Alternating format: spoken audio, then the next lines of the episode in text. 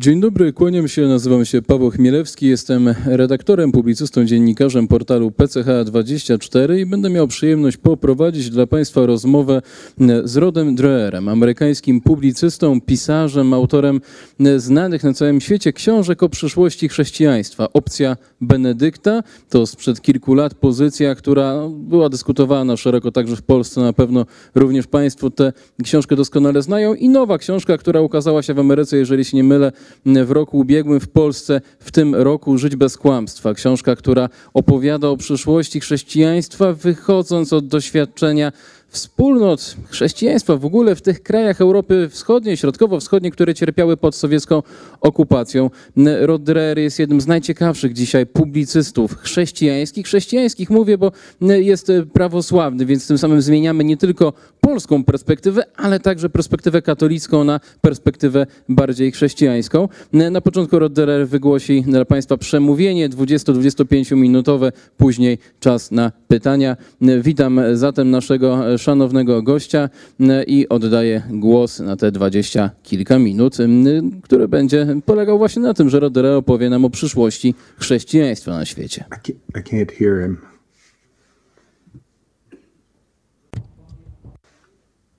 Okay, so uh, uh, hello, good morning. Halo, halo, dzień dobry. Przekazuję głos. Moim gościem jest Rod Dreher, znany publicysta, autor książek, m.in. Opcji Benedykta.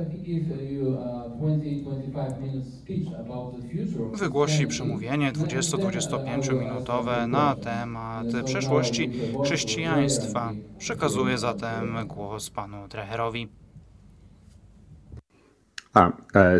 For uh, Dziękuję. Dziękuję za zaproszenie. Dziękuję. E, Pochodzę z Luizjany Południowej e, i e, powiedziano mi, że powinienem przygotować wystąpienie na 50 minut. Mam nadzieję, że nie będzie zbyt długie. Pytanie, czy powinniśmy się dostosować do dzisiejszego świata, czy mm, e, walczyć ze zmianą? Na początek chciałbym stwierdzić wprost, że chrześcijanie nie mają wyboru, muszą walczyć. Musimy walczyć e, z całych sił. Jest to kryzys naprawdę egzystencjalny, ale jak walczyć? Oto kluczowe pytanie. Bo wróg jest nieporównywalny z czymkolwiek do tej pory od pojawienia się Jezusa Chrystusa. Żyjemy w cywilizacji postchrześcijańskiej. Co to znaczy? To znaczy, że na Zachodzie historia chrześcijaństwa mm, jest już nie tym, co rozumiemy jako ludzie, jako naród. Co mamy zrobić? Żyjemy w, nie tylko w kulturze postchrześcijańskiej, ale także to, co Reef nazywa antykulturą. Reef mówi, że wszystkie kultury muszą zdefiniować się poprzez to, czego zakazują. Zachodnia kultura ma tylko jeden jasny zakaz. Jest, mamy zakaz zakazywania. Nie jest to do końca prawda, bo lokalne kultury, mm, na przykład kultura walczącej lewicy, ma szereg zakazów. Co do zasady, mamy zakaz twierdzenia, że istnieje cokolwiek, co ma ograniczać nasze pragnienia. Mamy zakaz mówienia, że istnieje e, święty porządek, któremu winni jesteśmy posłuszeństwo, a chrześcijaństwo twierdzi inaczej i dlatego jest w odwrocie. Wiemy, że instytucje zawalą się, kiedy ludzie uznają je za zbędne i dlatego padają kościoły na szerokim zachodzie. Ja głęboko wierzę, że chrześcijaństwo jest prawdziwe, a kościół jest niezbędny.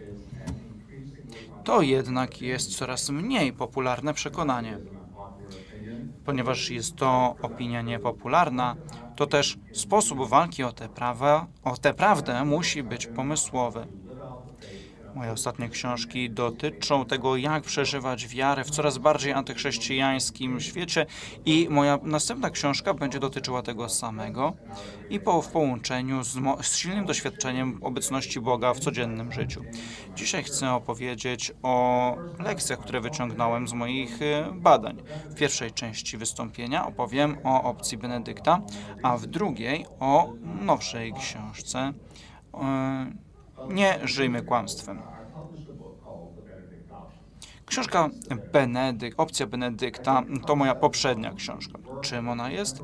Wziąłem tę koncepcję z, od Alistera McIntyre'a, filozofa współczesnego.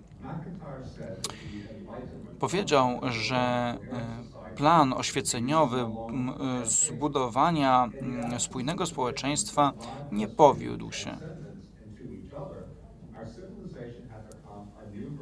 Cywilizacja stała się nową wersją biblijnej wieży Babel. Tak jak i w Biblii w dumie, w, w pysze zbudowaliśmy wielki budynek mm, e, wbrew Bogu. Doprowadziło to do wielkiej fragmentacji, rozbicia i rozczarowania. To one są niezbędne. To moje, mój opis tezy McIntyre'a. On e, później został katolikiem, ale pisząc to był marksistą. Można dzisiejsze czasy porównać z czasami upadku e, Cesarstwa Rzymskiego. Wtedy e, ludzie dobrej woli odwrócili się od obowiązku wspierania cesarstwa. Zamiast tego zaczęli budować społeczności, w których mogły przetrwać wartości moralne w zbliżających się e, ciemnych wiekach. quite some time. And our lack of consciousness of this constitutes part of our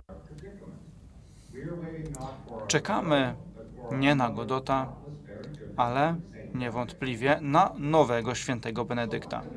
Tak twierdził. Jakiego Benedykta? Benedykta z Nursi.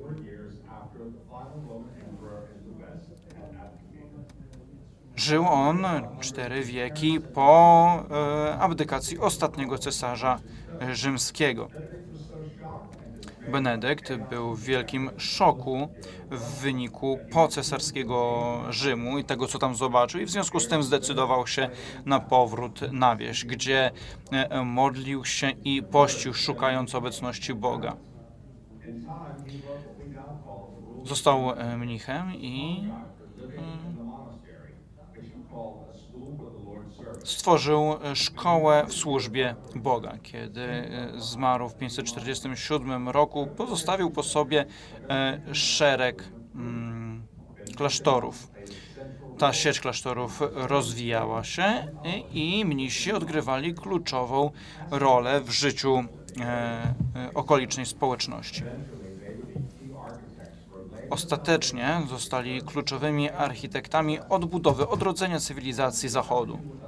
Co to ma wspólnego z nami dzisiaj? Mówię o świeckich chrześcijańskich, czy powinni odwrócić się od świata i żyć w odosobnieniu? Nie, bo to jest zadanie tylko dla mnichów.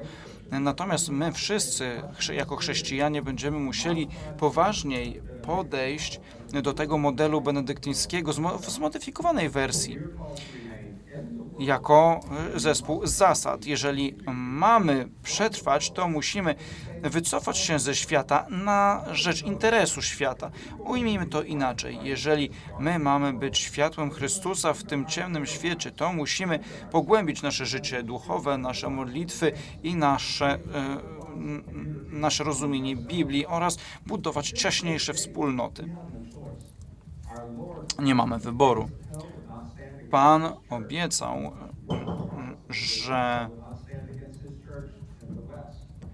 e, bramy e, piekła oprą się e, Kościołowi.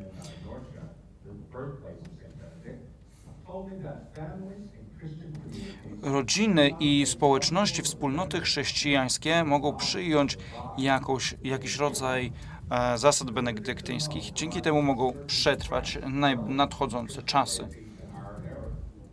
Te zasady należałoby dostosować do e, ludności świeckiej dzisiejszych czasów. Co to znaczy? Chodzi o to, abyśmy nie oddzielali swojego życia od życia świata. Benedykt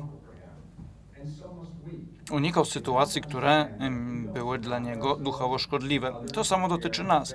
Powinniśmy otaczać się osobami, które wyznają tę samą wiarę i wspierają nas w życiu w zgodzie z naszymi wartościami. Jeżeli tego nie zrobimy, to będzie nam ciężko utrzymać się w wierze. Wtedy zamiast uciekać przed czymś złym, będziemy biegli ku czemuś dobremu. Druga zasada to praktyka obecności Boga. Poprzez pracę, życie w społeczności, wszystko to, wszystkie nasze aktywności codzienne mm, powinny być ułożone ku chwale Boga. To jest taka dyscyplina wewnętrzna i nie chodzi tutaj tylko o przestrzeganie zasad dla samego przestrzegania zasad. Raczej chodzi o to, co Mnogardini e, nazwał dążeniem do odkrycia y, w- wierności wartościom sobie i ostatecznie Bogu.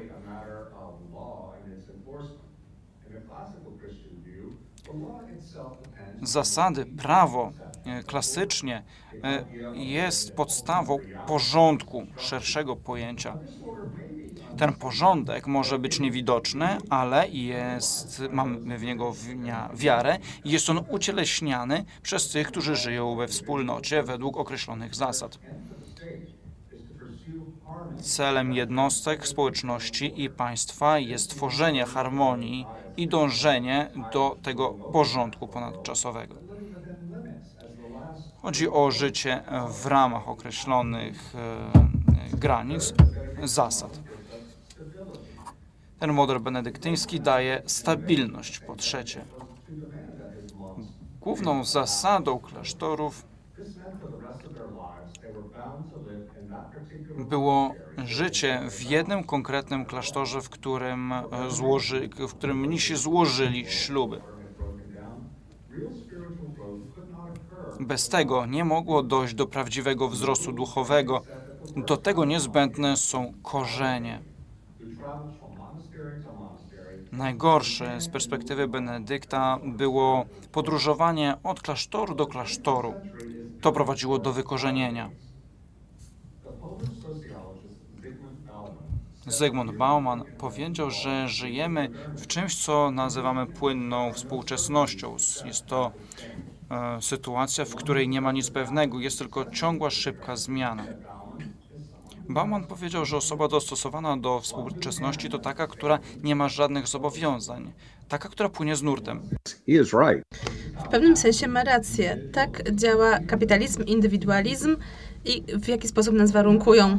Ale musimy zadać sobie pytanie, co to oznacza, żeby kwitnąć dla chrześcijanina? Kwitnięcie nie oznacza e, osiągnięcia statusu, e, czy przyjemności, czy osobistego, e, osobistej przyjemności, bo Bóg może nam to dać. Prawdziwe kwitnięcie to jest unifikacja, zjednoczenie z Chrystusem i solidarność z innymi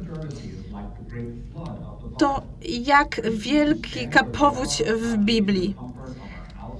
E, Chrystus nie daje nam komfortu domu, po prostu pozwala im utonąć, a ci, e, którzy ocalą, ocaleją w sensie spirytualnym, duchowym, będą musieli się e, wspiąć na małą arkę, taką jak Arka Noego. Tylko ci ludzie będą mieli szansę na przeżycie. Opcja Benedykta to wyzwanie, żeby budować takie arki. I to wyzwanie, które stoi przed wieloma e, ch- chrześcijanami, że oni nie widzą tego poziomu, widzą jakieś struktury chrześcijaństwa naokoło, jak e, e, szpitale, instytucje czy kościoły i myślą, że wszystko jest dobrze. Myślą sobie, no dobrze, Kościół przechodzi pewne problemy, ale to też przeminie. Niestety, myślę, że okłamują samych siebie. Może robią tak, bo boją się przyszłości, może robią tak dlatego, bo y, nie chcą y, zrezygnować ze swoich y, wygód klasy średniej może po prostu nie chcą być, zostać wykopani ze wygodnego społeczeństwa. To informuje nas o tym e, i pokazuje, że tacy chrześcijanie, którzy są za opcją Benedykta, są nieco fanatyczni. Ale tak mówi nam Benedykt, nie bądźcie konformistami, po prostu poddawajcie się przemianom w waszym umyśle. Takie są słowa Boga. Kto chce ocalić życie, będzie musiał je stracić, ale kto straci y, życie za mnie, odnajdzie je na nowo i żyć będzie wiecznie. Katolicy muszą e, udać się na peryferia, ale niosąc tę pieśń ocalenia, zmartwychwstania. Chrystus nie da światowi, światu tego, czego tu nie ma. Nie wiem, jak to wygląda w Polsce, ale tutaj w Stanach wiedza wiar, o wierze Chrystusa szczególnie u tych poniżej 40 roku życia, jest bardzo słaba. Ciągle prowadzimy ewangelizację, ale jeszcze ważniejsze jest to, żeby opowiadać sobie historię Chrystusa i starać się przeżywać ją na nowo w świeży sposób. Jezus przedstawia paradoks, który, y, z którym musi żyć każde pokolenie i każda osoba. Jak to być, żyć w świecie, a nie poza światem. Jeżeli żyjecie za bardzo w sposób konformistyczny, to Ewangelia nie ma mocy transformacyjnej ale jeżeli się odseparujemy od świata, po prostu pozbawimy się i pozbawimy świata tego kontaktu z nami. Miłość jest jedynym em, dobrem, które się mnoży przez e, dzielenie się nim. I to jest miłość, którą Bóg dał, przekazał nam przez Jezusa. Wydaje się, że Kościół y, mógłby wypełnić lukę między tymi dwoma e, biegunami. Chrystus tworzy świat, więc możemy, y, mógł dać światu zbawienie. Widzimy to w księdze y, o z historii Hebrajczyków. Oni udali się na wygnanie, wiedzieli, że Babilon nie jest ich domem, ale wiedzieli również, że y, Bóg y, y, pozwoli ich schwytać w jakimś celu. Bóg powiedział im, żeby osiedlili się w Babilonie, żeby szukali e, dobrobytu w tym mieście, e, a później wygnał ich z miasta. Tak jak kiedy czytamy księgę Daniela o trzech, mamy tam historię trzech sługów k, króla, którzy odmówili wykonania jego rozkazów. Jaka jest e, historia, jaka, co z tego możemy wziąć dla siebie? Musimy zaangażować się w życie naszych miast i budować pokój i dobrobyt, ale również musimy żyć odpowiednio osobno, żeby upewnić się, że nasze społeczności, rodziny, my sami mamy wystarczająco dużo siły, żeby e, stawić e, czoła złu niezależnie od kosztów. To nie jest łatwe. Żyjemy w czasach oczyszczenia. Jeżeli prze- przetrwamy jako e, Kościół, będziemy musieli oddać pewne rzeczy, które są dla nas cenne. Musimy oddać em, burżuazyjną bu- burżuazyjny zachwyt. Musimy przestrzegać reguł chrześcijaństwa, tak jak robili to ludzie w historii. Niektórzy są zawstydzeni tym, czego uczy nas Ewangelia. Musimy porzucić pomysł, że Kościół nadal ma moc. Może chcemy w to wierzyć, bo ciągle mamy chrześcijańskie uniwersytety, kościoły czy szpitale. Ale Kościół nie ma już takiej mocy. W Polsce jeszcze nie jest tak źle, ale myślę, że to już jest ostatni bastion. Wiele z tych chrześcijańskich instytucji jest y, pusta. Kiedy byłam w Polsce, zbierając materiały do ostatniej książce, widziałem bardzo dużo młodych e, katolików, którzy przewidywali, że Kościół się załamie i Polska będzie kolejną Irlandią. Bardzo trudno mi to zrozumieć jako Amerykanin, który wyrastał e, w, w, na naukach Jana Pawła II, ale mówiłam, słyszałam o tym tyle razy, że w końcu w to uwierzyłem. Rozmawiałem z y, benedyktynami, y, pytając ich, czy to możliwe. Powiedział, że, powiedzieli, że tak. Powiedzieli, że biskupi y, są przekonani, że wszystko z Kościołem jest dobrze, ale jednocześnie konsumencka, kapitalistyczna kultura Zachodu dopuściła się inwazji i zawładnęła sercami młodych ludzi. Oznacza to, że my jako chrześcijanie musimy porzucić pomysł, że jakoś przetrwamy jako chrześcijanami, posługując się półśrodkami w Ameryce tak to postrzegano, ale wiedzieli, że Kościół jest e, bardziej instytucją społeczną niż e, źródłem zbawienia. Nie zrozumieli siły tych sił antykościelnych i nie ochronili siebie ani swoich dzieci przed wpływem. Musimy porzucić cel ocalenia naszego społeczeństwa, bo to nie może być nasz główny cel. W Stanach wielu chrześcijan chce wierzyć, że ocali siebie i rozwiąże kryzys przez wybór odpowiednich polityków. Oni szukają rozwiązań politycznych na kryzys społeczny i kulturowy, a ten wszystkie kryzysy kulturowe są kryzysami religijnymi. Jak e, powiedzieli profesorowie w poprzedniej sesji, nie, by, nie byłoby żadnej polityki bez kultury e, religijnej. To jest źródło wszystkiego. Benedykt nie chciał, żeby Rzym był znowu e, wielki, tylko chciał po prostu służyć Bogu i swojej społeczności. Chciał znaleźć jakieś schronienie, ale też przywrócić porządek społeczny. Myślę, że e, Polska, Francja i inne zachodnie kultury powinny siać ziarno nadziei, wiary i miłości e, w ramach społeczności Benedykta. Nie mówię, że polityka nie jest ważna, bo polityka jest bardzo ważna, ale żeby chronić wolności e, Kościoła i innych instytucji, żeby szerzyły Ewangelię, polityka tutaj nie wystarczy. Wreszcie musimy porzucić pomysł, że nie ma żadnej nadziei. Desperacja jest e, po prostu pokuzą dla chrześcijan, takich jak ja. Każdy dzień przynosi widmo kolejnego upadku. Y, Można powiedzieć, że świat zmierza do piekła i się poddać, ale my jako chrześcijanie nie mamy prawa żyć w desperacji, bo y, nadzieja jest optymizmem. Y, Musimy wierzyć, że cierpienie i śmierć mają znaczenie. Tak jak powiedział święty Piotr w liście do Rzymian, wiemy, że B- Bóg robi wszystko tak, żeby służyło tym, którzy go kochają. Dlatego to tak ważne, żeby studiować życia świętych, szczególnie tych nowocz- nowoczesnych z tych czasów, jak na przykład Jerzy Popiełuszko. Nasza wiara nie jest zdeterminowana z góry, mamy wiele wyzwań, ale Bóg daje nam moc wyboru dobro, dobra i daje nam te wybory ciągle, niezależnie od kosztów. Nie możemy nigdy zapominać o tym, że Ewangelia to dobra nowina. Nikt, kto naprawdę usłyszał Ewangelię, nie porzuci nadziei.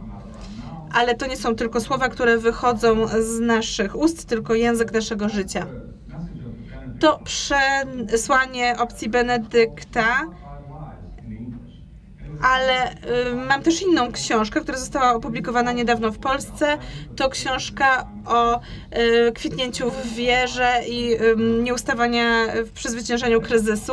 Opcja Benedykta to jest książka dla chrześcijan, y, którzy chcą żyć według wiary.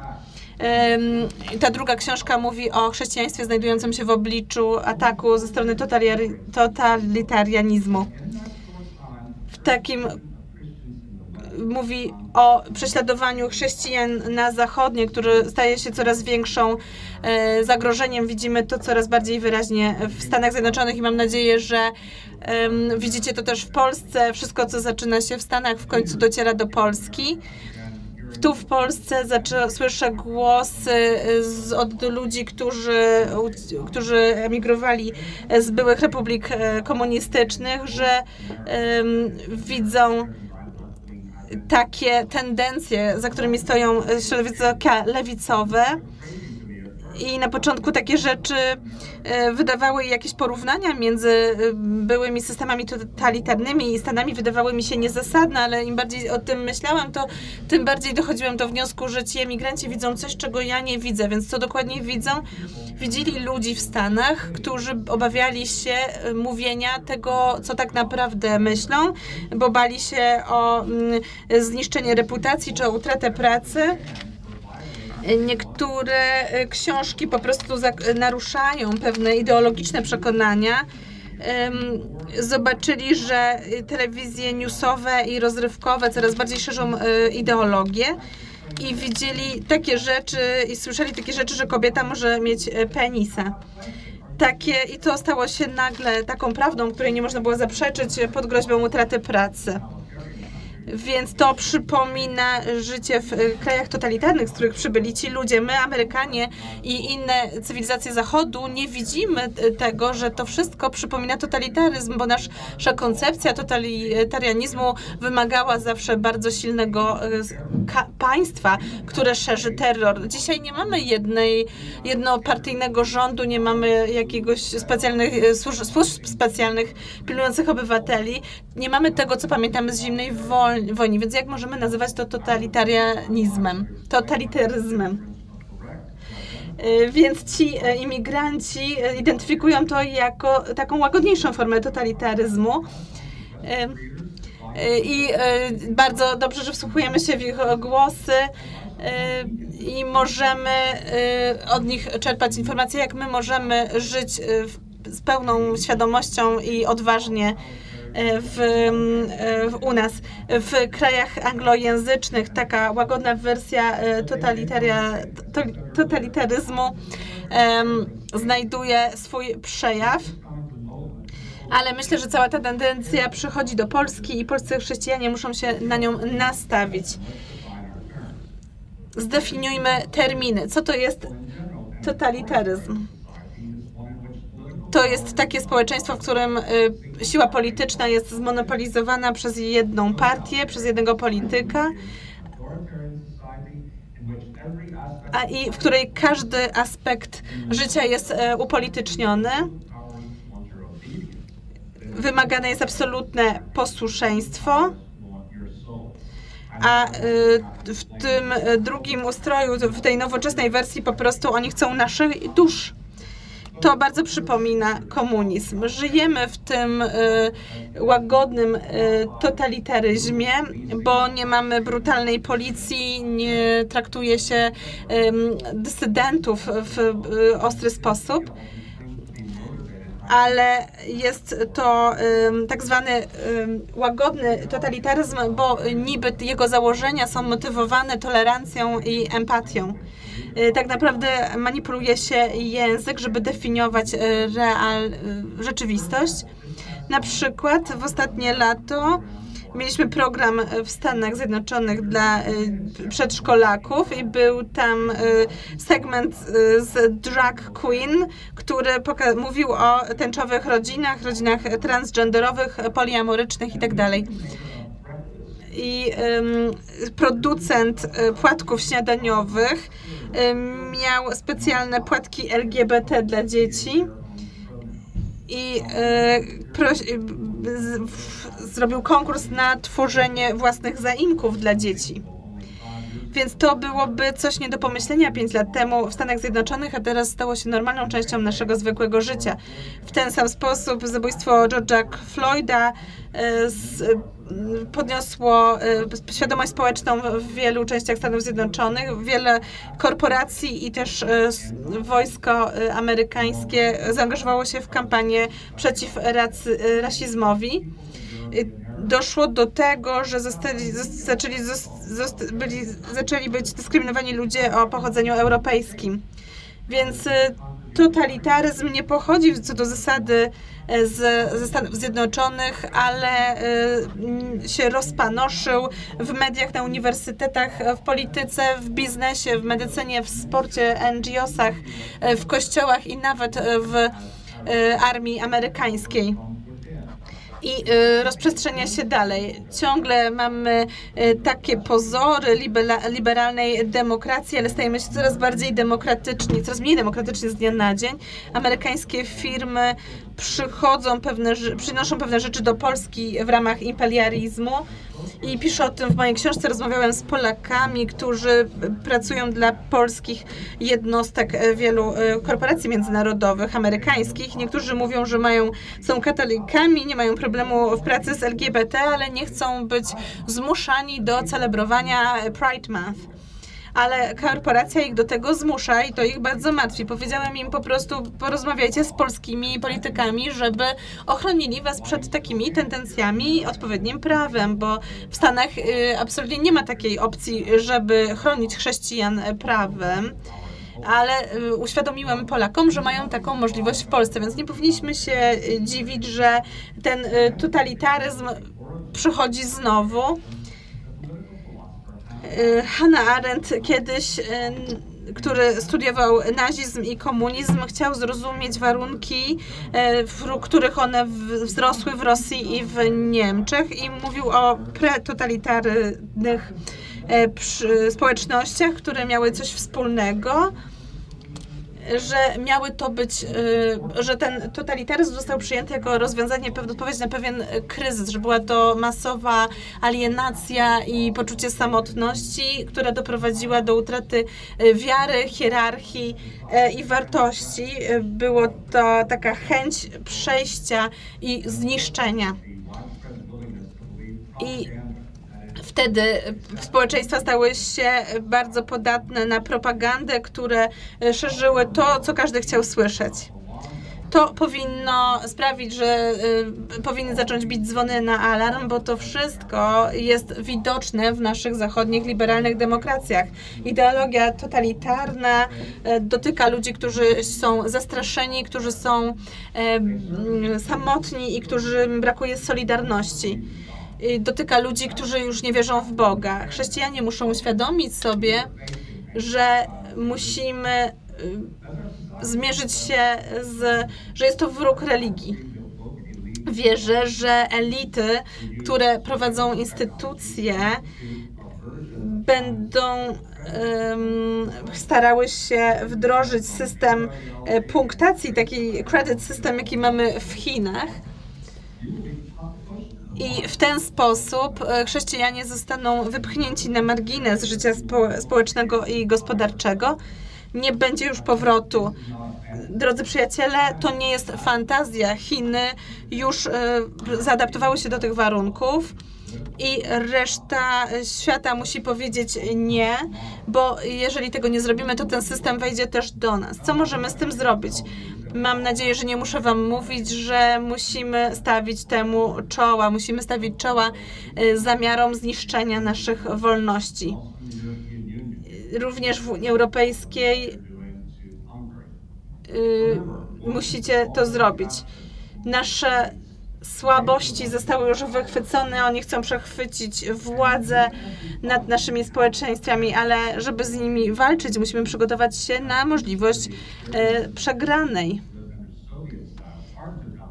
To nie będzie taki totalitaryzm e, w stylu radzieckim.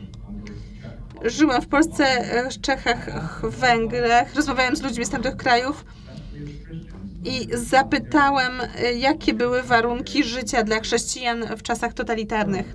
Powiedzieli, że przede wszystkim decydenci mówili, że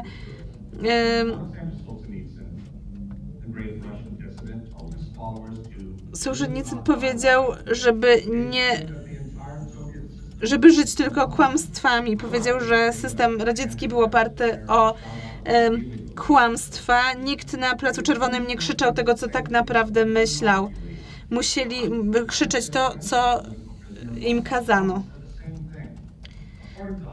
Zgodnie, to Havel powiedział, że przetrwał, bo żył tak, żeby się chronić jako osoba zdemoralizowana. Napisał, że system zależy od demoralizacji. To była prawda za czasów komunistycznych i za czasów systemu, w którym żyjemy teraz. Stanie mm, za prawdą jest naszą moralną odpowiedzialnością i naszą powinnością. Po drugie, musimy kultywować kulturową, historię kulturową, musimy kultywować tradycje, szerzyć je i uczyć się naszej historii, żeby nie pozwolić sobie wmówić wersji historii serwowanej przez Netflix czy telewizję. Nie powinniśmy się e, wstydzić naszej historii, kultury, religii. Jeżeli zostaniemy od nich odcięci, będzie nam je łatwiej kontrolować.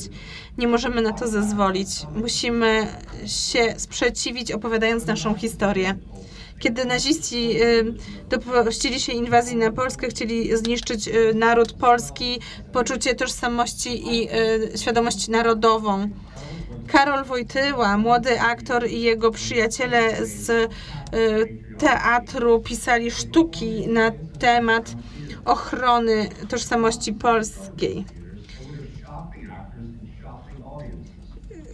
Ryzykowali życiem, ryzy- ryzykowali rozstrzelaniem, żeby zachować pamięć o polskiej, o Polsce i o polskiej kulturze. My nie toimy w takim zagrożeniu eksterminacji religii, jak za czasów komunistycznych. Dzisiaj dzi- te środki są o wiele łagodniejsze, ale to, co zrobił młody Wojtyła i aktorzy w walce z nazistami jest jeszcze bardziej ważne niż te, y, wtedy w latach 40. Wszystko zależy od y, wiary w małych grupach. Pewien aktywista powiedział, że tylko dzięki młodym katolikom walczącym za Jezusa, tylko dzięki nim ich towarzystwu czuł się wolny, bo wszystko oprócz tej przyjaźni było poddane reżimowi. Mamy przykład z Rosji. Kogoś, kto powiedział, że odzyskał em, kontakt z Jezusem dzięki małej społeczności e, młodych wyznawców nie mógł zna, odnaleźć się na łonie formalnego kościoła, ale znalazł y, wiernych tego kościoła. I że poczuł się tak, jakby się zakochał, poczuł co- coś, czego nigdy nie czuł. Ten, ten model bez Boga nie mógł przetrwać, ale tylko żyjąc w naszych społecznościach, y, w wierze możemy się ocalić. I ostatnia, najważniejsza rzecz. Musimy odkryć wagę i wartość w cierpieniu. Musimy skupić się na męczennikach z naszych czasów, tych z Polski. Męczeństwo i cierpienie jest podstawą tego systemu. Żyjemy w totalitaryzmie komfortu. On ma po prostu nas przyzwyczaić do tego i zniechęcić do cierpienia. A droga do zbawienia wiedzie przez krzyż. Bez woli, cierpienia i umierania dla Chrystusa pozostaje tylko wygoda. Kiedy żyję z braćmi w wierze, szczególnie młodymi ludźmi, proszę ich o wymienienie trzech wartości chrześcijańskich, dla których gotowi są umrzeć.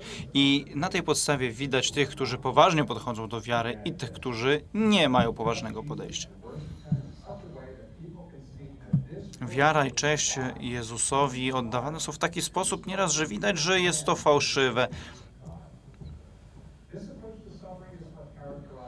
Niechęć do cierpienia to coś, co jest przeciwstawne wartościom chrześcijańskim, a co innego jest mm, optymizm. Optymizm to, że będzie lepiej, ale chrześcijanin myśli inaczej. Liczy, że będzie lepiej, a jeżeli nie, to potrafi poświęcić swoje cierpienie Chrystusowi na rzecz zbawienia świata.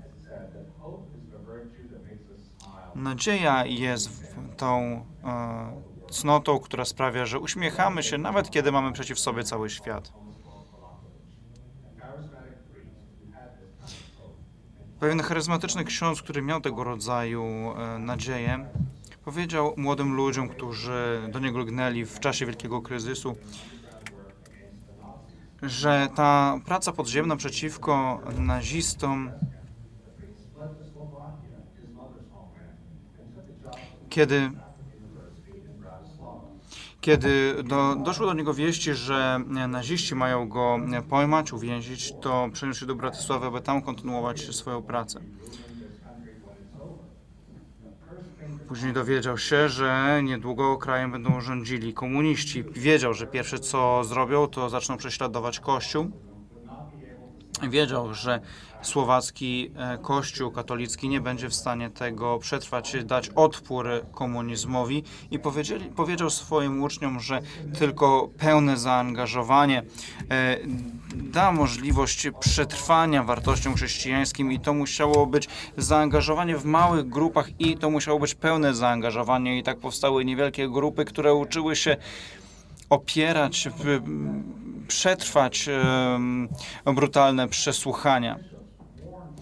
Słowaccy e, biskupi e, mówili e, ojcu Kolakowiczowi, że to, co robi, nie ma sensu. Natomiast on wiedział lepiej, co robi. w roku 1948 komuniści przejęli władzę i w ciągu kilku lat prawie wszyscy jego uczniowie zostali uwięzieni i Kościół został poddany władzy. Ojciec Naśladowcy ojca Kolokowicza w latach 60. stworzyli taki podziemny kościół, tak jak uczył ich ojciec Kolokowicz. Szanowni Państwo, jestem przekonany, że jesteśmy w tej samej sytuacji w dzisiejszych czasach.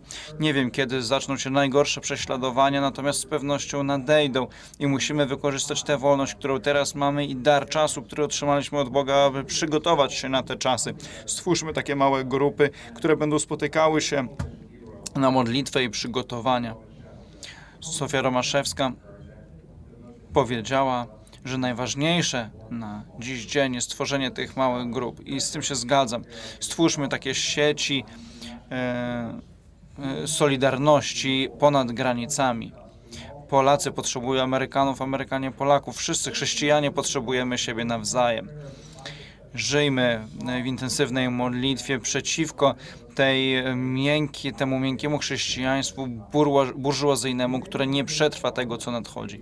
Uważacie, że e, przesadzam, że biję na alarm? Być może, ale weźcie pod uwagę wszystko to, co dzieje się na Zachodzie i spróbujmy wykorzystać te znaki ostrzegawcze, aby nie ugiąć się pod naporem dzisiejszych czasów. To, co wydarzyło się w Rosji, jest, nie może się powtórzyć, przecież można by powiedzieć, ale w to, co wydarzyło się w wieku XX, jest możliwe wszędzie, w dowolnym miejscu na świecie, w Ameryce, w Europie, a nawet w katolickiej Polsce. Dlatego potrzebna nam jest odwaga. Sożenicyn pisał, że potrzebne jest tworzenie grup, aby dać odpór imperializmowi, e, zapędom e, totalistycznym. Jeżeli będą nas dziesiątki tysięcy, to nie rozpoznamy w przyszłości swojego kraju. Tymczasem nawet w Ameryce, nawet w Europie, nawet w katolickiej Polsce, e, tworząc takie grupy, możemy e, podtrzymać wiarę w Jezusa. Zależy to od nas. Możemy powiedzieć nie dyktatowi relatywizmu i imperium zła i kłamstwa. Jakie to nam pozostawia możliwości? Podsumowując, e, dostosować się czy walczyć, nie mamy innego wyboru, jak tylko walczyć. Chociaż musimy dostosować się pod względem odpowiednich taktyk na dzisiejsze czasy. W, w Polsce e, w, po wojnie ludzie nie chcieli komunizmu. Teraz y, młodzi ludzie nie chcą tego, co oferuje chrześcijaństwo, ponieważ zanurzeni są w materializmie dzisiejszych czasów. Polityka musi być częścią tego ruchu oporu, to z pewnością, ale nie należy kłaść dużego nacisku na e, politykę, bo największy atak na chrześcijańskie wartości przychodzi za pośrednictwem internetu. Musimy więc dostosować swoje metody walki. Teraz wrogiem nie jest jakaś wroda, wroga ideologia narzucana przez zewnętrzne mocarstwo, ale coś, czego ludzie pragną. Proponuję podejście świętego Benedykta i ojca Klonkowicza. Święty Benedykt nauczył nas budowania takich silnych wspólnot na niedużą skalę, niewielką skalę. Mamy doświadczenia e, w opieraniu się mm, e, totalizmowi.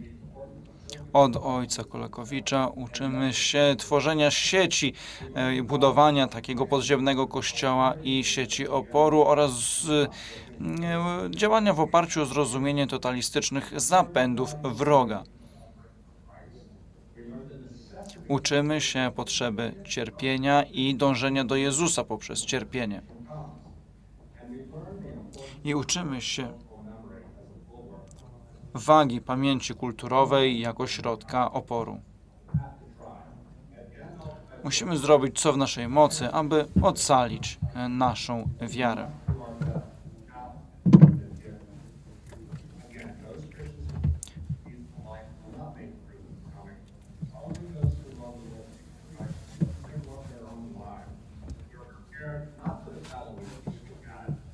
Actual battle in front of us. Only they will survive, and not only survive, but with the help of God.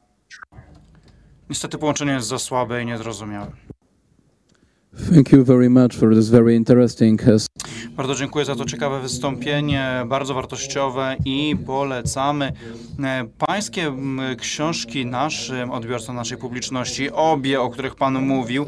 M, mo- Być może polscy czytelnicy nie przyjmą wszystkich wniosków wypływających z tych e, książek, natomiast myślę, że jest to bardzo wartościowy wkład w dyskusję na temat dzisiejszego świata. Myślę, że mamy czas tylko na jedno pytanie, więc jeżeli pan pozwoli, to zadam pytanie o pańską perspektywę e, na zbrodnie mordowania nienarodzonych dzieci. Mówi pan o miękkim totalitaryzmie i faktycznie jest on miękki, ale tylko dla tych, którzy się narodzili, a dla nienarodzonych ten totalitaryzm nie jest miękki, a bardzo krwawy. Na całym świecie, w każdym kraju zabijane są miliony nienarodzonych dzieci. Jakie jest pańskie spojrzenie na tę sprawę?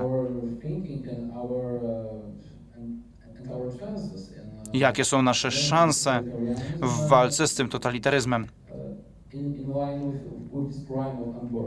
w kontekście właśnie aborcji? aborcji? Bardzo dziękuję za pytanie. Dobra wiadomość jest taka, że tutaj w Stanach Zjednoczonych dzięki długiemu zaangażowaniu, wieloletniemu zaangażowaniu ruchu pro-life jesteśmy coraz bliżsi zakazu aborcji, a przynajmniej jej ograniczenia. Jeden z ważnych wkładów e, ruchu pro-life jest wsparcie kobiet, które e, są e, w ciąży i myślą o aborcji, e, danie takim kobietom alternatywy, jeżeli zdecydują się na wybór życia, to otrzymują wsparcie od odpowiednich organizacji. I to jest ogromne osiągnięcie ruchu pro-life, ponieważ to ułatwia kobietom decyz, decyzję, to kobietom, które jeszcze mają szansę podjąć ten właściwy wybór, mm, pokazuje to kobietom, że mają alternatywę. Jest to element kultury. Musimy budować kulturę życia, która będzie wspierająca która będzie pomagała tym kobietom w dokonaniu wyboru na rzecz życia.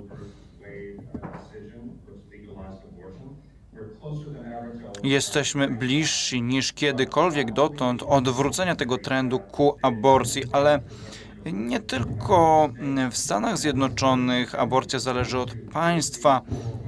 Nadal musimy działać na rzecz dania tym e, biednym kobietom nadzieję i wsparcie. Tutaj e, nauka również przyczyniła się do wsparcia tych wysiłków ruchu pro-life, ponieważ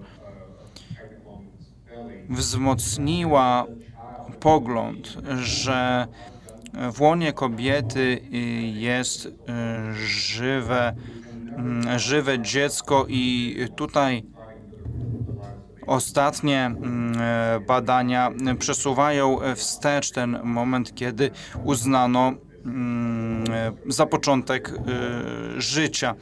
Stąd e, warto podkreślić, że chrześcijaństwo e, nie jest tylko, nie sprowadza się do aborcji, obrony życia, ale w ogóle na rzecz życia w ogóle. Bardzo dziękuję, już skończył nam się czas, także bardzo dziękuję e, za te słowa otuchy i raz jeszcze polecamy naszej widowni pańskiej książki. Dziękuję, dziękuję. Niech Wam Bóg błogosławi. Do zobaczenia w przyszłym roku. publicysta, autor znanych książek, a ja nazywam się Paweł Chmielewski, portal PCH24. Dziękuję.